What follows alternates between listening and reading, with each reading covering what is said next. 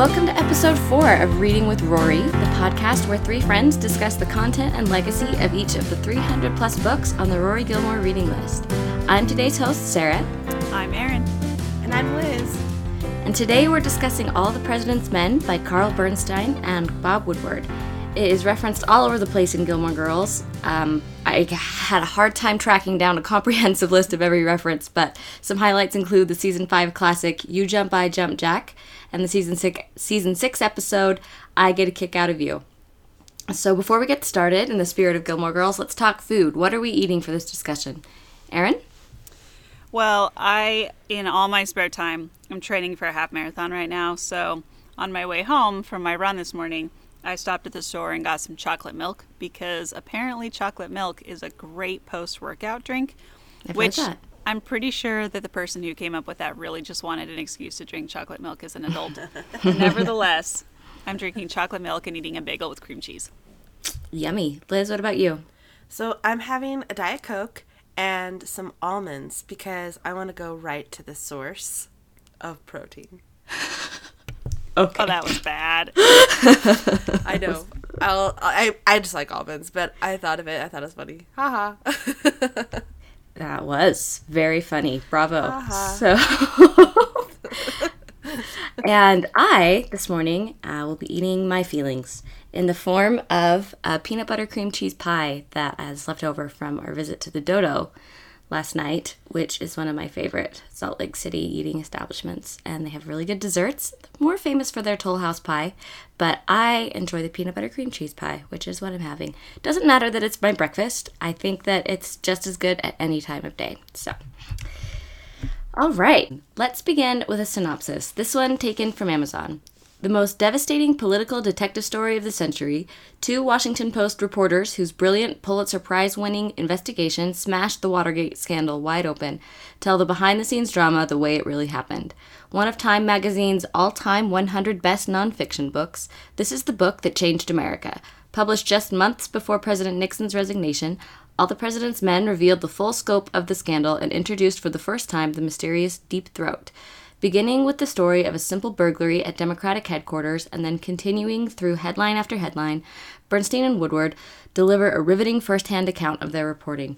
Their explosive reports won a Pulitzer Prize for the Washington Post, toppled the president, and have since inspired generations of reporters. All the President's Men is a riveting detective story capturing the exhilarating rush of the biggest presidential scandal in U.S. history as it unfolded in real time.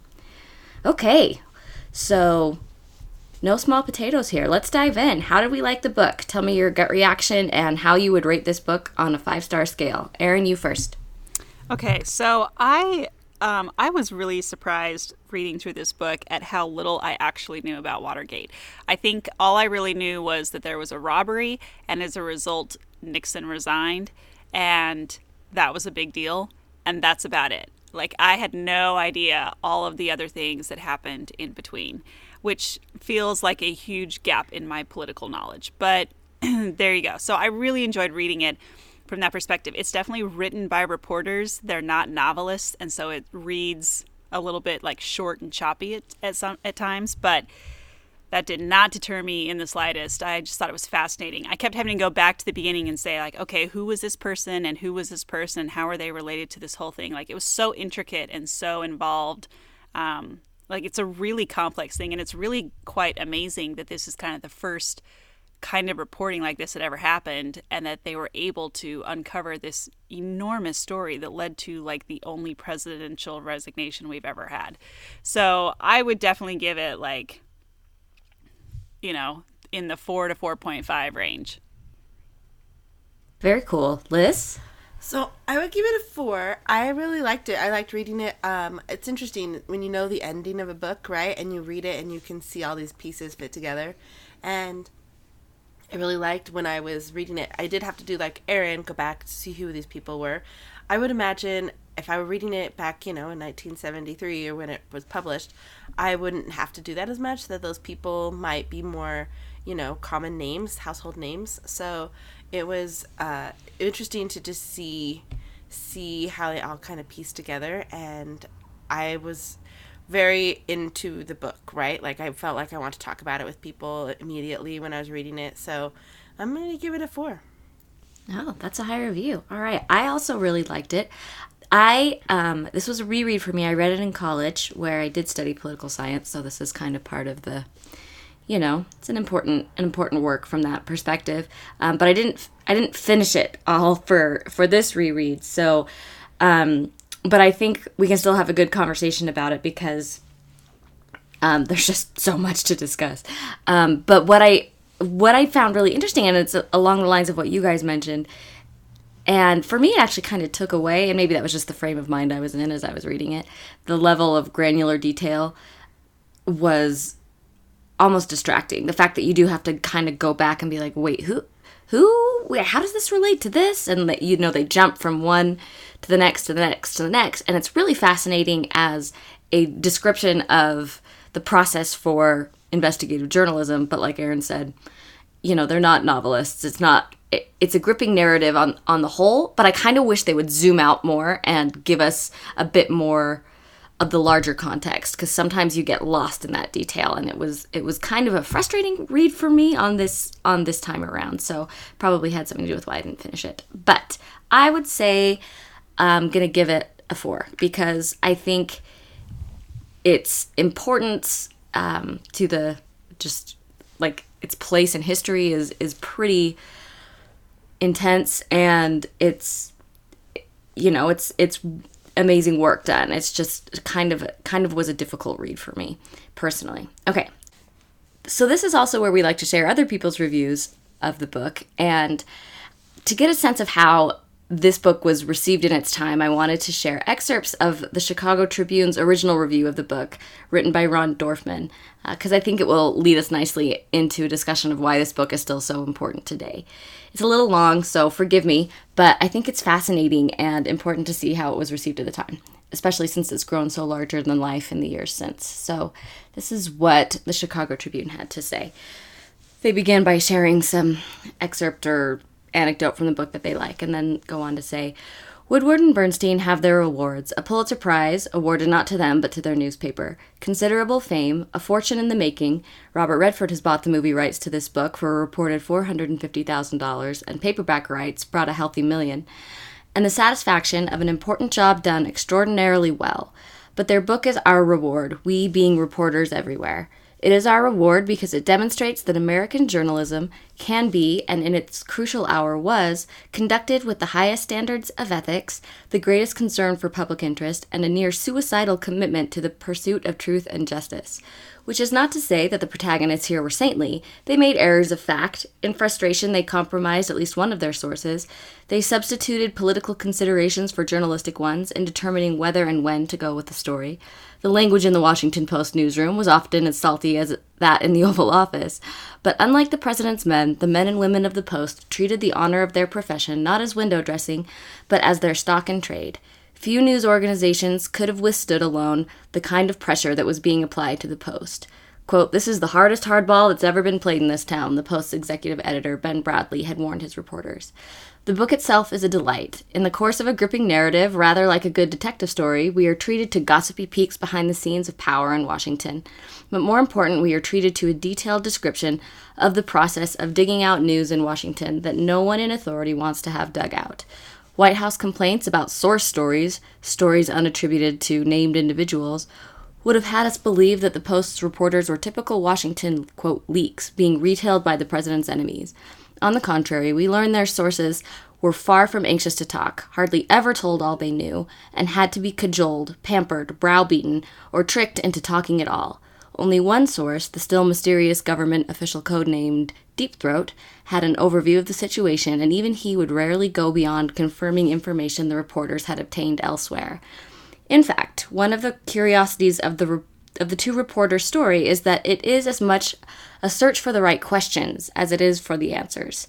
It took the reporters nearly four months before they began to ask themselves, much less anyone else, whether it was possible that the Mr. Big of this plot could be the President of the United States. Okay, so with that in mind, let's talk about why this book matters. Thoughts? Jump in here. Yeah, I have a thought. All right. So, I was reading this a couple of weeks ago in anticipation of recording this, and I was uh, with some friends at the time on vacation. We were at a lake house, and I'm sitting there reading it, and like Liz mentioned earlier, it brought up a lot of conversation because everybody kind of knows something about Watergate. And um, I'm reading it, and I'm thinking, man, I really feel like this just sounds so much like our world today, like our political world today, where like the news is accusing the president of something, and the president's staff is like, you're all crazy, and you're like coming at us with wrong information and alternative facts or whatever. And I'm just sitting there thinking, my goodness, like the similarities here are crazy. And like the next day, I find out that Bob Woodward is coming out with a new book. And I was like, what? It was mind blowing. So, in terms of relevance, I think that there are a lot of parallels between the relationship between the press and the White House that are still in, that are, that exist today that have a really big Im- impact on how we view the political world in Washington. Absolutely. And we'll definitely get into that. I think for me, um, it's not so much. It's not so much interesting as a story about Watergate, uh, which I actually don't think is really very interesting, um, but as a story about the process of investigative journalism. I I think, like you were saying, these these that that, that is so relevant today, right? These issues of how our president handles the press. And I want to talk about this, but carefully, because the nature of my job is such that I don't express partisan political opinions in a public forum. Um, but I don't think the role of the press in a democracy is, or at least it shouldn't be, a partisan issue. So I want to talk about that a little bit because I think that is the huge takeaway from this book, right? What matters about it is the role these reporters play in exposing um, exposing these these actions and holding accountable these institutions. And it, I mean, it's almost kind of overwhelming all that there is to say about that. And we, you know, we only have a few minutes today to go into it, but I want to talk about it a little bit. What do you guys think? Well, I think it's interesting how, um, so you know, Woodward and Bernstein would go to these sources, and people, or they would even come to them too, right? And when they would go and they'd call the they'd call them and say okay um, you know press secretary we're going to run this story. And then what's your response? And the response was like categorically to deny it but it was always a non-denial in what they were seeing. They're like okay that's a non-denial. And it was just such a funny like game back and forth between the two of like you know we're going to deny this because it looks bad but it's true but we're going to deny this. So i just saw this like this gate this trust and blame game go back and forth and back and forth and it's obviously still going on right? So it's very very i don't know it's like how it, it, the multiple sources and is something that makes me you know like happy that they're doing their job and help uh, that's the role of the press is to find find and go to the source. But i mean how do we not see that pattern of people just categorically denying it? And how do we know when to trust that denial i guess is my tricky question of the day. No, I think I think that's a really important point because especially in our current political environment where there's so much about this idea of alternative facts and not knowing who to believe and when. I mean, looking at the way that this story was brought about in this investigative journaling, I if I understand correctly, like this is kind of one of the first times when they like didn't name their sources. Not that everybody named their sources, but that was a huge part of this story that they had all of these like confidential sources that that were unnamed in their articles. And um I think that like having the ability to trust the reporters like when you read what goes on in the background you're like oh okay that seems fairly thorough. And a couple times they got it wrong for sure. But on the whole like they were fairly thorough, like as thorough as they could kind of get with how reluctant people were to interact with them. And so it makes me trust the story that much more. But if you don't have that backstory, like how do you, you know, like how do you look at this information and say, all right, that's who I can trust when you don't actually know who, you know, I mean, looking, I'm not saying this very coherently, but looking at the way the press operates versus the way the White House operates. The White House has a natural level of credibility, right? And it's easy to trust the White House because they're the White House and because we're supposed to be able to trust them. With the press, you kind of always know that the press is biased, even though they try not to be, but they, you know, there's usually some slant in there. Um, it's just inevitable human nature. And so it's almost a little bit of a David and Goliath, and especially it certainly was in this case where the Washington Post was going up against the White House, who was kind of like, whatever, no, this is not a big deal. Everyone get rid of it. Like they talk at one point how like the Washington Post is the only paper who's really reporting on this, and then as the story picked up steam, other, um, you know, like the New York Times and other newspapers got involved, but it was not a popular story, and it was only because they were like super persistent about it that anything even happened, which is Yeah. kind of incredible. Absolutely. And, you know, I actually, I, I watched an interview with Woodward and Bernstein that was for like the 40th anniversary. Um, so it was a few years ago that they did. And they said that it wasn't actually until Walter Cronkite picked it up that, and, and sort of shone a bigger spotlight on it, right? So kind of your David and Goliath analogy is apt because they were just these and they weren't you know woodward and bernstein are these huge names in journalism today because obviously because of this but at the time they were they were just nobodies. And um and they were taking a huge risk. And i think that shows a lot of the professional courage and integrity of their editors um, in in trying to in, in persisting with this story right? But that it took a figure like walter cronkite to really bring this to the attention of the american public. And it's that was that was the way that that functioned um, at the time you know? It we it's just it's such a different media environment that we live in today. It's hard to necessarily um, understand. But i think that it's ugh, yeah i don't even know where i'm going with Well, I this. think it's just interesting that like Woodward's earned that credibility. So now, when he writes a book, people aren't necessarily like his his credibility isn't necessarily the thing in question. It is he's a trusted news source. So wait, I should trust this new book he's published, right? Right. Or like I mean his. Uh, I, I was with Erin. I was reading this book at the same time his, you know, all this new stuff about we his new were. book was coming out. Yeah, so it was interesting just to hear all this conversation about him and how he was such a paragon of credibility in like trusted sources for um, what he's done. He's, his reputation has been pretty. I mean, not perfect, obviously, but has been pretty, pretty.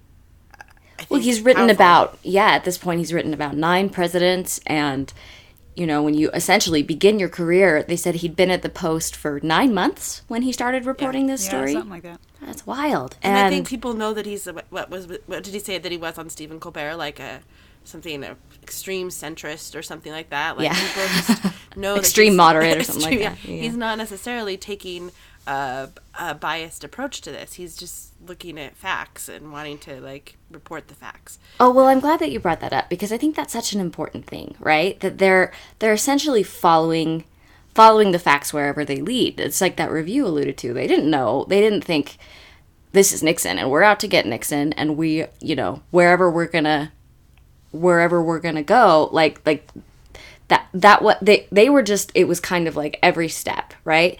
So and so, you know, first there was this this burglary. Okay, well then, ha, what what's with one of the burglars? What do they have to do with the CIA? And just following each tiny little little tiny path about like, okay, now there's this money. How did this money end up in the Watergate burglar's account? Where did it come from? Okay, so he, what was it, Ken, Dal, Kenneth Dahlberg? That was the Yeah. yeah Dahlberg. and yeah and you know just these these tiny little sources that just go up and up and up and up and and obviously it's in the interests of those in power to try and say this is a lie this is a lie this is a uh, this you know and just denying their credibility when I, there's a picture and it's fascinating right showing showing woodward and bernstein watching tv maybe it was as nixon was resigning or um, you know it was after their after their initial reporting and all through the course of it the white house is just denying that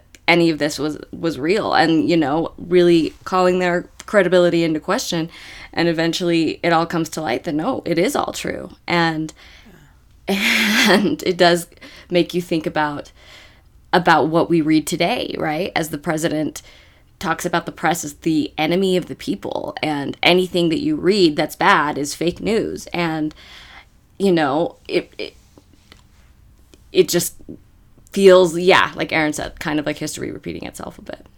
I have to say that I was really impressed with just the sort of like common sense, street smart curiosity that both Bernstein and Woodward had. I mean, especially when you consider that they were so new. Like Bernstein had been in the business for a while, so I guess he wasn't that new to it. But Woodward being there, you know, for only nine months, they're they're not seasoned reporters, but their ability to sniff something out like this and to say, hmm, "That's weird. Why is that? Like, what's going on there?" And to, Yeah. like Sarah was saying, to just follow it through, because at some point, like I probably would have said, "Am I crazy?" Like, eh, you know, the the White House keeps saying that I'm crazy, and all these other reporters keep saying I'm crazy, and all these other people keep saying I'm crazy. Am I like looking for something here? Am I like falling into some sort of, you know, I don't know, trap, mental trap with where I'm going with this? But they were confident enough in themselves, confident enough in their sources, and, And just and I think the important- story. Yeah, and I think the important thing too is their editors had enough confidence in them. Yeah, for sure. know? But just the fact that like, well, yeah, that's important too because our editors could have easily been like, This is done. Yeah. Mm-hmm. this is done. Like clearly, there's nothing here. We got the guys. The story's over. And that's how kind of the rest of the country was looking at it. Oh, we got the guys. It's over. That's weird. End of story. But I don't know. It just strikes me that like the curiosity involved and the ability to see through a lot of the crap that was going on and a lot of the stuff that was sort of being put out there and to just cut right through that to see that there was more behind the scenes and they, and to try to get there. Yeah. It was really impressive. So this isn't um, not directly about this story, but so much about back to that question of what we were discussing as far as the role of a press, role, role of a free press in, in a free society and a democracy. And I have recently recently watched the movie Spotlight, which uh, won Best Picture a year Oh, or two yeah. ago. hmm And and I thought I, that is I mean such a great movie and it's such an interesting exploration of you know you have this editor who comes in to this really kind of insular community and you you live in Boston Air and you know kind of maybe the role that the institution of the Catholic Church well if not still has had at the time and um and it kind of took an outsider to come in and ask these questions that sort of poke the poke the poke at the things that that people who are part of that institution are uncomfortable having poked you know? And but that turning over those rocks reveals things that people need to know. And i think it's a really it's a necessary function for a healthy civil civic society. And i think that you know i watched that movie in this in the same um we- uh, so liz, liz and i we live in salt lake and there's and and being members of the of the lds church excuse me members of the church of jesus christ of latter-day saints Gotta say it right. I know. Um, you know that it's a huge institution here, and there are newspapers like the Salt Lake Tribune. You know, takes it upon itself to be that that force for holding that institution accountable, which can sometimes be frustrating as a member of that church. But I think that it it I at the end of the day, I'm always going to kind of feel like we there needs to be there's an important there's that's an important role that needs to be there right? Because people institutions are people whether they're churches whether they're governments and people can be corrupted. And we need an independent entity to call them call them to the carpet right? And to make sure that they they don't go too far with their power. And i just i i just think it's so important and that's what's kind of scary about the president you know questioning the what is it? I don't know the the patriotism of the press or the you know calling calling them the enemy of the people i think is such a scary thing because i think it's the opposite. I think they're they're advocates for the people. They're looking out for the people's interests do they do it well? Do they do it fair not always obviously there's there, it's it's it's not great but i think at the end of the day it's especially as someone also who works in government i should say it's so important that someone take a magnifying glass to these big institutions and make sure that the people who are running them aren't getting carried away. I think like the Ronan Farrow stories with um, you know Harvey Weinstein and Les Moonves too are good examples of that too, right? Where Mm-hmm. he's reporting on this and doing this work and um, it brings it. I mean, it brought about whole like lots of change. I think the Me Too movement is you know Yeah. largely due to the press and how well not all do, but like bringing down people that are powerful and you know reporting that as news and not just sweeping it under the rug sorry npc nice try right like um and just trying to like tell the facts right as someone comes to learn them that's important Definitely. Yeah. I mean, like Sarah said, I think it's important to also recognize that like the press is not on its own pedestal either. Yeah. And that it's full of humans who have their own natural biases and as much as they try to be objective, that certainly can and does filter into the way that they um, report on things, but and the types of things they choose to report.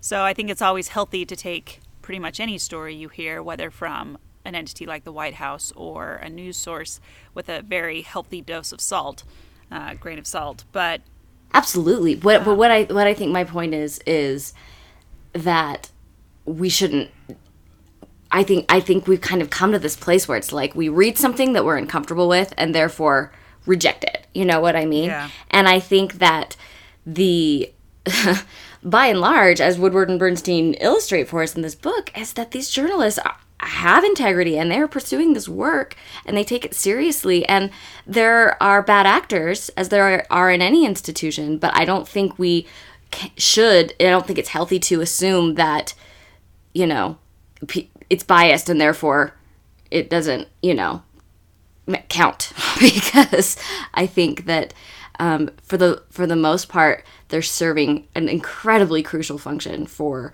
you know the for a healthy democracy people have to be informed and you need to have shared facts. And so if we can't trust what we're being what we're being told that's like the scariest possible situation for me right? And so i think that we need to be able to respect our journalistic institutions and they need to hold themselves to the highest possible standard and be as objective as they can. Erin's right they're human they're going to have bring their biases to it. But i think that if a if a democratic society can't trust the information they're being given how are they being how can they make good informed decisions? Then you just completely break off into chaos. And it, so i think the implications of discrediting the press are like the scariest thing possible Yeah, and to the magnifying glass, you know, I think I think you're right, Sarah. I think the press needs to hold a magnifying glass to these government institutions, and then that the people, you know, we the people, need to hold the magnifying glass to the press, and it it goes in a circle. Like we all have to be watching each other and holding each other accountable um, yeah to make sure a that we do it. live up to those uh, standards of integrity. All right, heavy stuff, you guys. Okay, what stood out to me is just the details of the Watergate scandal itself.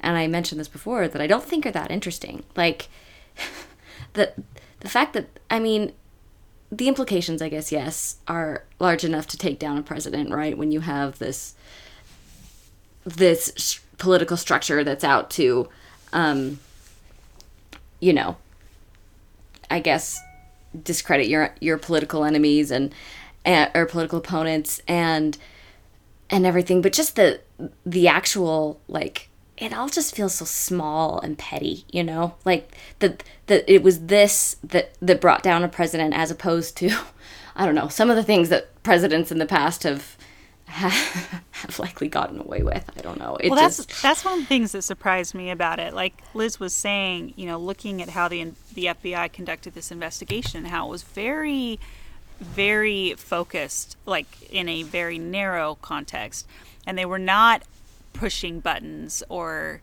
they were not asking additional questions. It was just totally limited to the scope of break-in. what they were doing uh, at the break-in. Yeah, and thinking about and then just thinking about the larger context of it and thinking about Nixon.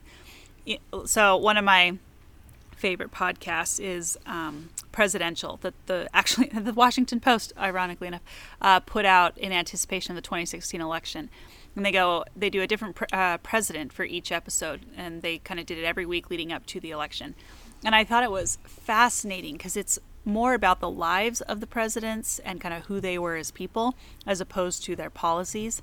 And i did not know a lot of the information that they talked about and they interviewed uh, you know authors and biographers and people who knew them etc and in the nixon episode they talked about how paranoid Nixon was and how he was so afraid that people were out to get him mm-hmm. all the time that it led him to do things that were highly unethical and questionable because he was so obsessed with and paranoid about maintaining his role.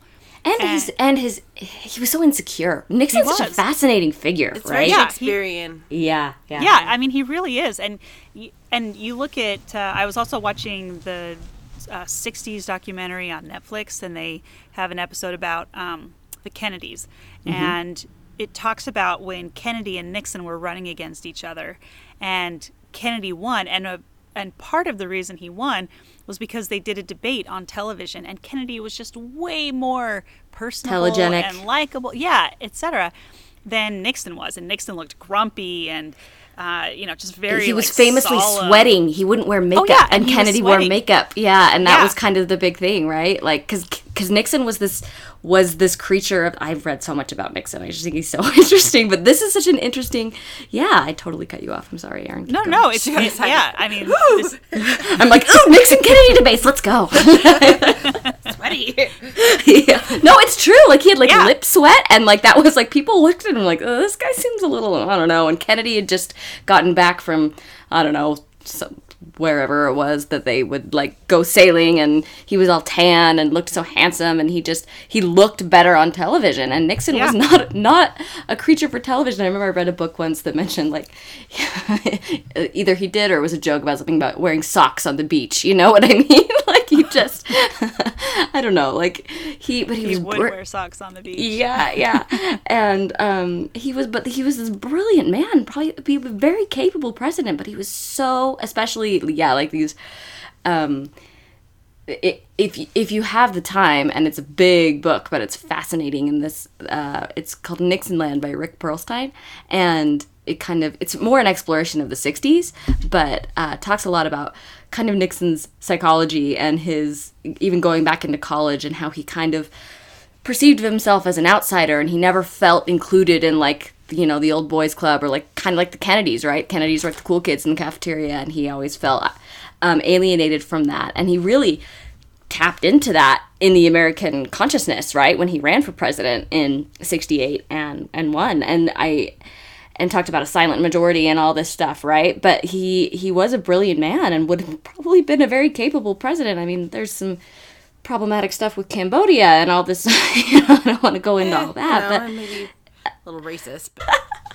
um, well, but it's just it's uh, it's it, it's interesting to look at a couple of different things. It's interesting commentary on the role of the presidency, and because you look at, at the president and people have done a lot of, have done research on this written articles about this but there's a big difference between people who look like they're good leaders and people who actually are good leaders yeah. and they're not always the same thing but to be the president, in some ways, you kind of have to be both. And that's very hard and very, very un- unusual for people to be both. And um, that I think really just goes to the whole like Kennedy Nixon thing. Nixon just did not look like a leader, at least at that time. And the television, the invention of the television, changed the game for presidents and for people who were running for president. And so you had to be you know, personal. You had to be likable. I mean, you look at, at candidates later, you look at someone like Mitt Romney, who was otherwise a very good leader when he was governor here in Massachusetts and in other things that he's done in his life, who clearly has leadership skills, but came off very kind of cold, very unapproachable, very elitist. Um, and then you look at, you even look at someone like Hillary Clinton, who also just uh, could not get past the pantsuit thing and had kind of just like one persona on television had a very difficult time connecting with people, even though people close to her said they really liked her and they really could connect with her. But she couldn't do that with the public on television, and it hurt her. It really hurt her.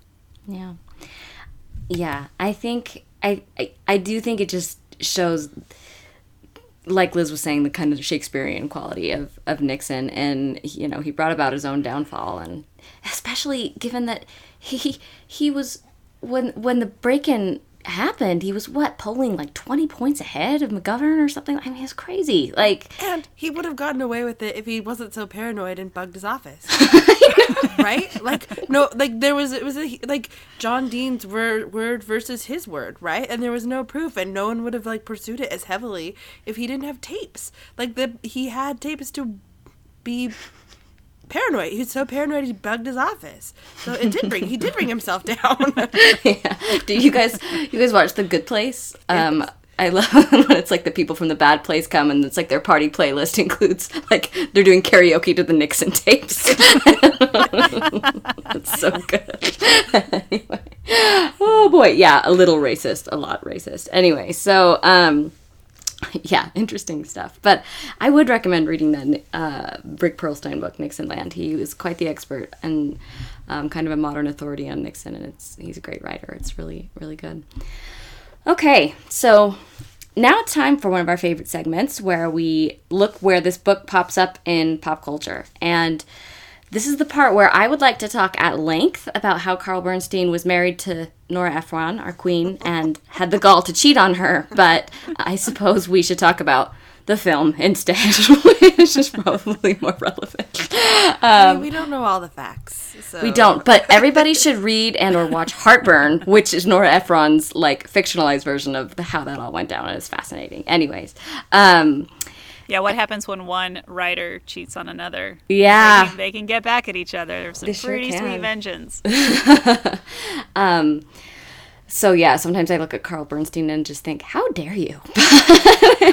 anyway, Well, he was a charmer, apparently. He was. Didn't you love? Uh, we have to get into the movie itself, I suppose, before we should go into into Dustin Hoffman's portrayal of him. But so the movie is what I want to get at. The movie is probably a larger cultural, pop cultural mm, icon than the book.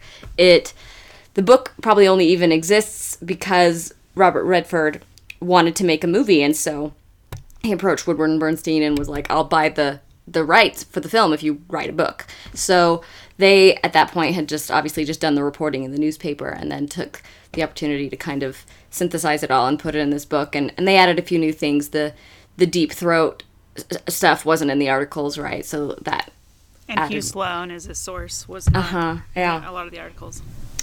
Um, so the the film was written by William Goldman, um, also who wrote the screenplay and the book for uh, The Princess Bride. He's kind of one of Hollywood's greatest screenwriters, and he won an Oscar for the screenplay. And uh, it was directed by Alan J. Pakula or Pakula. I actually don't know how to say his name. And Wikipedia tells us the film was nominated in multiple Oscar, Golden Globe, and BAFTA categories, and in 2010 it was selected for preservation in the United States National Film Registry by the Library of Congress as being culturally, historically, or aesthetically significant. So I know we all watched the movie. What do we think of the movie? What do you guys what do you guys like about it? What do you think was interesting as it compared to the book? I just loved Robert Redford's hair and how high waisted their pants were. I mean, yes, 70s fashions are something else, but let's just, just talk about how I just loved Robert Redford, period. Like, we don't need- Um, yeah, I think both. It was very well cast, right? I Yeah, think that yeah. Robert Redford does a good job playing him, and I think Dustin Hoffman when he's like, you know, smiling at those doorways at those sources, right? He's just They talk about what a flirt he was, Yeah, yeah. getting information out of people. Yeah. It showed that really, really well. But really, my favorite were the kind of the shots of like them typing on their their typewriters with like the TV on the side, and it's Uh-huh. showing like the real time stuff that's happening, and they're just typing away as like they're reporting the story. I just thought that was kind of a cool image, and I, I liked it.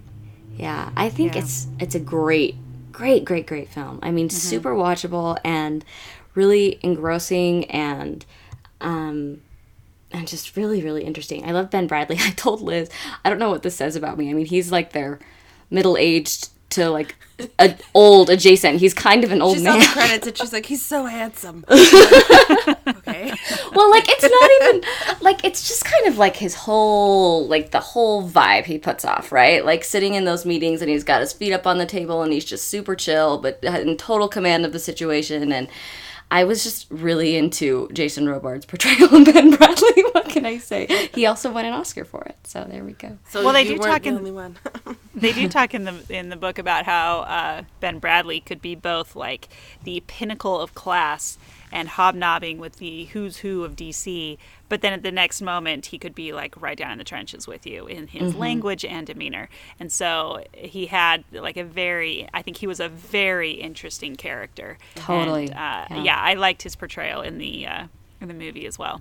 in the movie. Yeah, and I mean, like substantively, like what he was, what he, what he provided to the investigation was just fantastic. But I just really liked watching him. He just was, I don't know, was, there was just something really magnetic about it. So I love. I also- Sarah's team Ben Bradlee. Got it. Yes, I am. I also have to say I really enjoyed having lived for DC, lived in DC for the last four years prior to coming up to Boston. I really enjoyed all the scenes shot in DC. Um, it was kind of fun to see, Yeah. you know, the Watergate Hotel, which I've been to and past many times, and um, I have had friends who've worked in the Watergate Hotel and people who've stayed in the Watergate building. Um, and seeing the you know the Capitol and all of the different like places there in DC. It was very fun to sort of see that 70s style. I mean, it hasn't changed really, but you know, still, like, it was very that was very cool. Ne- definitely.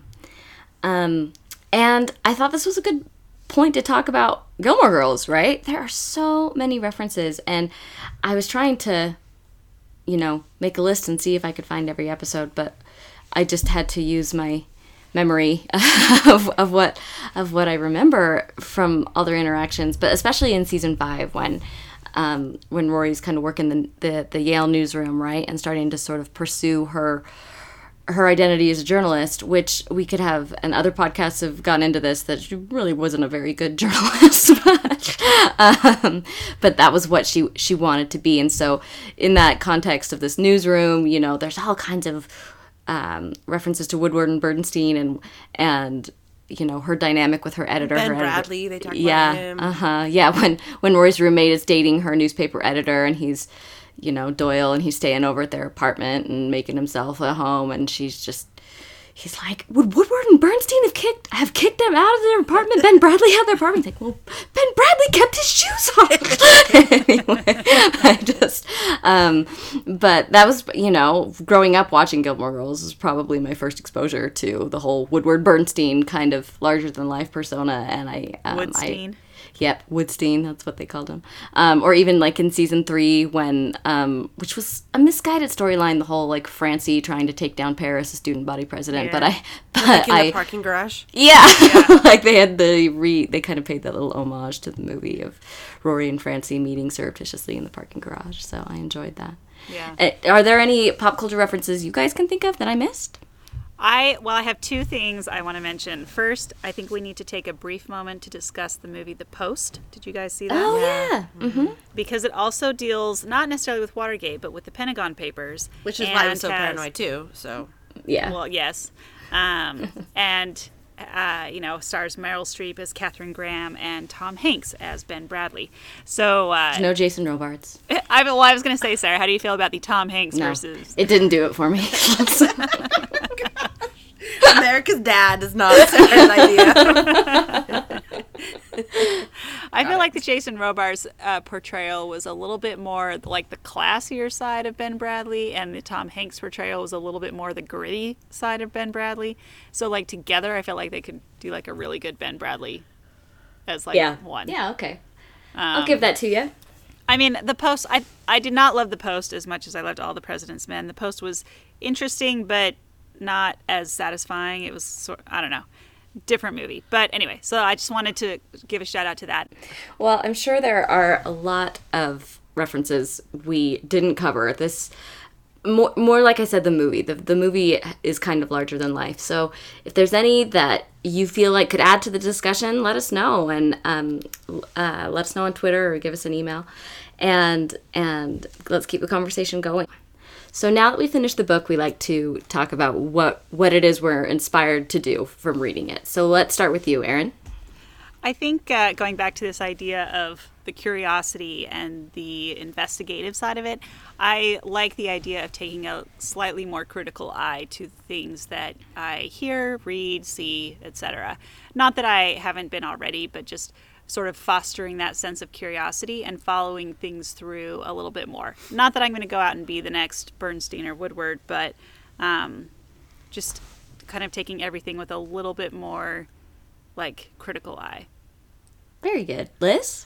So after reading this book, I immediately started listening to season one of Slow Burn, so I could be even more annoying as that person who's like, well, actually, in Watergate. And like, I think I really was that person a couple times this week or this last week when I was, we were talking about stuff in current events at work or something with a friend or, and I'd be like, well, in Watergate. And then I would proceed to tell them about Margaret Mitchell or something, right? Mm. So, um, yeah. So tell us what, tell us what Slow Burn is, Liz. Oh, Slow Burn's a podcast put out by Slate and it's, it was just takes it like goes into more detail um, about I think more after the book stuff. It's kind of like the kind of where days. it leaves off. Yeah, I listened to it too, and it's it was really good. It's really it. the first season's all about Watergate. Second season that they're in the middle of now is dealing with the Clinton Lewinsky scandal. But but I mean I like it because it does really go into detail, and he was talking about like the host was talking about how he was making this podcast, and he's like, how do I talk about this thing? If like do people do I assume everyone knows all this or not?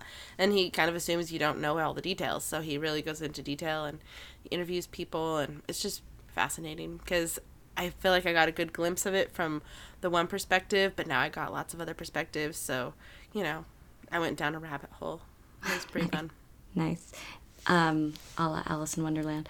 Well, I have been inspired to uh, read Bob Woodward's newest book out this week as we were recording, um, uh, uh, called Fear. And Bob Woodward has been making the rounds. Uh, sadly, he didn't respond to you know, my request to come on the podcast, but She's like pounding on his door late at night. yeah.